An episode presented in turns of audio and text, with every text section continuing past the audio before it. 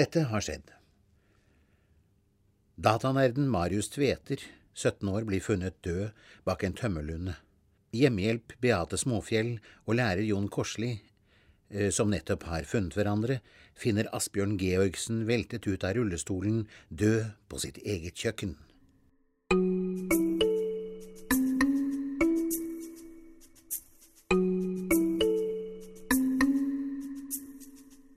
Du hører på Amtas påskekrimpod, Grøss i grenseland, en kriminalhistorie om folk og hunder i traktene mellom Frogn og Nesodden, i fire episoder.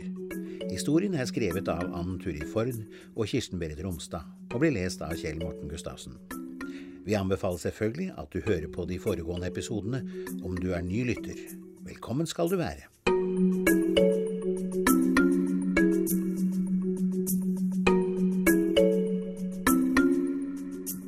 Episode fire Lensmann Snipstad måtte virkelig klø seg i hodet.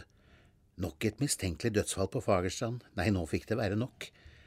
Riktignok dreide det seg denne gangen om en eldre rullestolbundet mann som var funnet i sitt eget hjem, men det høres jo litt merkelig ut, da, for ikke si usannsynlig, at han skulle ha falt ut av rullestolen og rett på ovnen. Så lettlurte var ikke politiet. Første skritt måtte bli å ta rede på om Georgsen hadde hatt besøk den formiddagen han døde. Det viktigste likevel akkurat nå var å ta vare på Liv. Etter å ha snakket med Bjørn Sundquist og en påfølgende samtale med fetter Rolf i Kripos, aktet Snipstad å sette alle kluter til. Han ga ordre til at skuespilleren skulle fotfølges hele dagen og natta med, og om nødvendig, og at huset hans skulle bevoktes av lensmannskontorets egne folk. Det skulle ikke komme på noen avisforside at Nesodden-politiet ikke hadde forstått faresignalene. Datafolkene som hadde tatt for seg Marius sin PC, gjorde etter hvert store øyne. For her var det informasjon grundig nok til å slå fast at Kalli Gauss, eller Johan Carl Friedrich Gauss, som han kalte seg, var ettersøkt for alvorlige forbrytelser både i Sverige og i sitt hjemland. Det gjaldt ikke bare forfølgelse av den typen som Bjørn Sundquist hadde blitt utsatt for. Gauss hadde alvorligere saker på samvittigheten.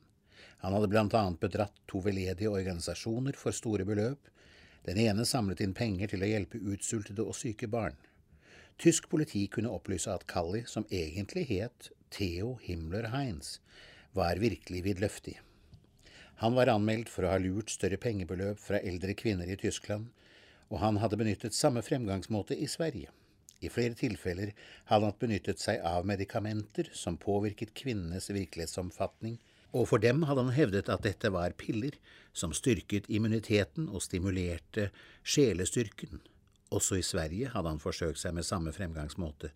I et forsøk på å finne en skandinavisk ord for medikamentet kalte han det forsterkningspiller. Den avdøde Georgsens elghund Bob var nå hjemløs.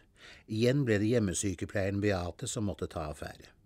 Georgsens venn Gunnar Hallangshaugen kjente jo Bob, og derfor dro Beate ned til han med Bob i baksetet. Men hos Hallangshaugen var det lukket og låst. Naboene kunne fortelle at en ambulanse hadde vært der midt på natta og hentet den eldre mannen. Han snakket i ett sett på en merkelig måte, han virket psykotisk, eller hva det nå heter, sa naboen. Så ble det til at Beate tok med seg Bob hjem, Oskar ville jo bli begeistret, men det var ikke fritt for at hun lurte litt på dette plutselige nervesammenbruddet. Så rart at det kom akkurat dagen etter at Georgsen døde. De to omgikkes riktignok hver eneste dag, og hadde jo lite familie ellers, men likevel, hun bestemte seg der og da for å ta Jon og Oskar med seg på sykebesøk. Politiet hadde mange tråder å nøste. Blant annet måtte de finne ut av dette med at bussjåfør Kjenslibråten puttet små pakker i postkasser langs rutene, at sjåføren av og til ble bedt om å ta med seg medisiner til syke folk som bodde avsides, var nå én ting, men dette hørtes ut til å være noe annet. Lensmannsbetjent Skog, som var ny på Nesodden, fikk i oppdrag å ta bussen som en vanlig passasjer.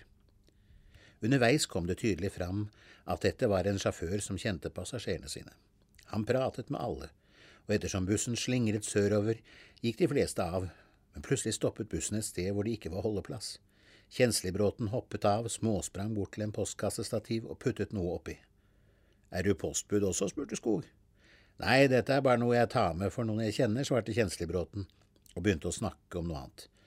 Men ikke lenge etter stoppet han bussen igjen, og det samme gjentok seg. ut med en liten pakke som ble lagt i en postkasse. Lensmannsbetjenten ga seg til kjenne. Jeg er politimann. Jeg ser at du har flere slike pakker i den kurven, og jeg må vite hva du holder på med. Nå må du ikke finne på noe tull. Det kjører en sivil politibil bak bussen som vil plukke deg opp hvis du stopper og prøver å stikke av. Kjenslebråten trodde ikke sine egne ører, men han måtte jo forklare. Eh, vent, vi, vi kommer snart til Torneveien, der bussen stopper, stammet han fram. Vel framme sukket han tungt.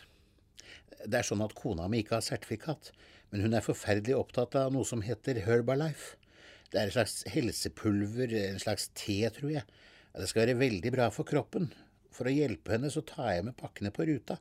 Ja, egentlig har jo ikke vi bussjåfører lov til å gjøre sånne private ting, men jeg vil jo bare hjelpe henne litt. Og det virker jo ikke som passasjerene syns at det gjør noe, forsvarte Kjenslibråten seg. Dette er vel ikke noe for politiet? Nei, men jeg får ta med pakkene og få dem undersøkt. Er det slik som du sier, er du en fri mann, sa Skog og forsøkte seg på en spøk, men Kjenslibråten var ganske utslått. At noen kunne ha trodd noe sånt om han. Guttorm, som alltid bare hadde forsøkt å være hjelpsom mot alle, dette var ingen god dag. Det viste seg at Gunnar Hallangshaugen var innlagt på Aker. Diagnosen hadde nok vært litt uklar, for selv om han åpenbart var psykisk forvirret, hadde han tatt noen drammer for mye også, og da Beate og co. troppet opp, var pasienten roet ned til sitt gamle jeg. Han var glad for å få snakke, og Beate penset ham fort inn på Georgsens død. Hallangshaugen regnet med at politiet visste at han hadde vært der. De så vel at jeg hadde fylt ut sudoken på sistesiden i Amta. Ja, Georgsen greide ikke sånn, forklarte han. Men det var ikke min skyld at han falt over ovnen. Han var så dum og tverr, han skulle absolutt ringe til politi på grunn av noe jeg sa om Marius og festen. Han var helt tullete, og bare lo da jeg sa at jeg ikke fikk sove om natta på grunn av dette. Han blåste av mine bekymringer, jeg skulle bare vite hvordan han hadde hatt det om natta. Det var vel bare å ta en dram, så ville alt ordne seg. Han ville ringe politiet, samme hva jeg sa. Jeg forsøkte å ta telefonrøret fra han, og da var det akkurat som lufta gikk ut av han. Han seg sammen og liksom skled ut av rullestolen mot ovnen, sånn at stolen veltet, og det må ha vært noe med hjertet han var jo død med en gang. Det var ikke noe skikkelig dunk eller noe. Jeg orka ikke å være der, jeg bare for hjem. Men hvorfor ville Georgsen ringe til politiet, spurte Beate. Jeg sa litt om den festen, at jeg kanskje ikke skulle latt Marius gå av gårde når det var så kaldt. Han hadde jo ikke lue, og han var jo egentlig full, eller hva var jeg skal kalle det, sa Hallangshaugen. Og så hadde jeg skjelt han ut. Gutten var mer avtale enn han bruker, ville absolutt røyke inne, og ville ikke høre. Han sa ting som ikke går an å si, om at jeg som var så gammel ikke burde være på en sånn fest, at han hadde lest om sånne som meg på internett. Da ble jeg så sint at jeg døtta han ut. Han liksom datt ut. Han var jo nok ganske full, men han forsvant altså. Tenkte han hadde gått hjem, men en annen gutt på festen begynte å oppføre seg veldig rart. Han ville bare ligge borti en krok helt stille. Han sa han hadde fått en pille av Marius noe han kalte forsterkelsespille. Det var visst noe Marius hadde fått av han tyskeren. Men dette kunne vel politiet få vite? Nå ble Hallangshaugen stille, men etter en stund sa han jo, men det var det som skjedde etterpå. At jeg ikke ville Georgsen skulle fortelle om det jeg fant. Fant du Marius? Ja, da jeg gikk hjemover fra festen, han, han lå i veikanten, helt stille, og han var død. Jeg tror rett og slett han hadde frosset i hjel. Og jeg var sikker på at jeg ville få skylda. Det fikk jeg bestandig da jeg var liten. Så jeg skyndte meg hjem, henta bilen og noen plastsekker. Jeg var helt desperat. Og så løftet jeg han inn i bilen og kjørte rundt til jeg fant den tømmerlunda. Det var masse snø, jeg pakket han inn i søppelsekker og gravde et hull. Egentlig hadde jeg tenkt å flytte han uh, derfra seinere, men han uh, han frøs liksom fast. Jon Korsli og den forbanna hunden hans fant han jo før jeg rakk å ordne opp.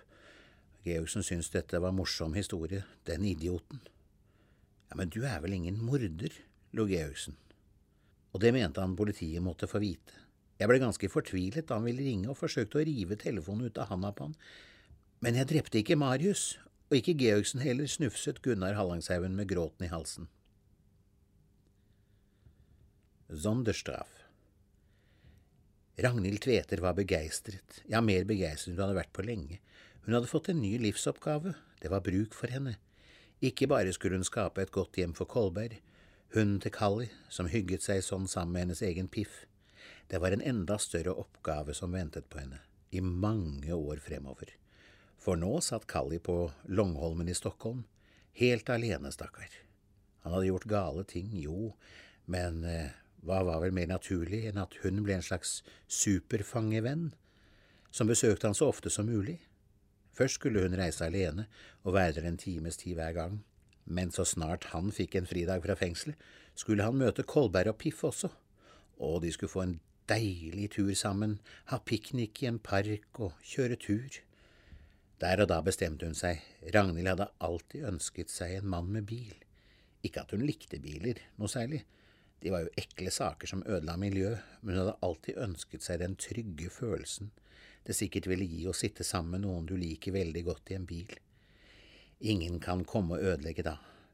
Hun ville ha Kali, Kolberg og Piff helt for seg selv inni en bil, en stor bil. Merkelig nok hadde det kommet masse penger inn på kontoen hennes etter at Marius døde, ja, det var noe slags forsikringsgreier, og nå skulle hun satse på å gjøre Kallis fangetilværelse til å holde ut. Hvis hun greide førerprøven, skulle hun kjøre til Stockholm hver eneste uke, og hvis jeg ikke klarer prøven, sa hun til seg selv, så flytter vi til Stockholm, Kolberg, Piff og jeg.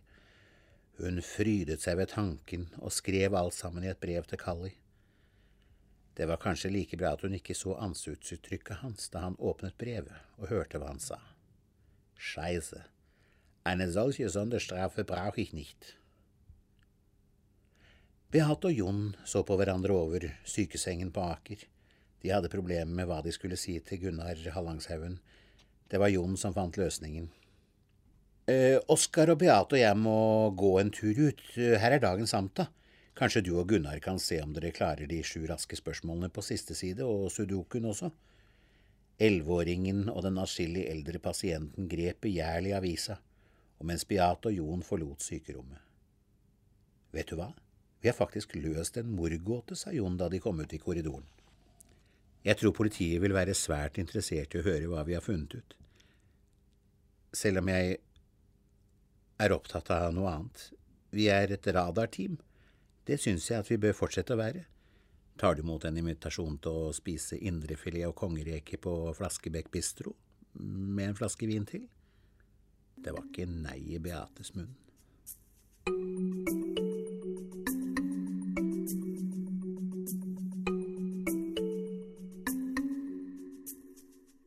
Vi håper du har kost deg med Amtas aller første påskekrim på podkast. Ha en riktig god påske, og kanskje blir det flere podkaster. Følg med, følg med.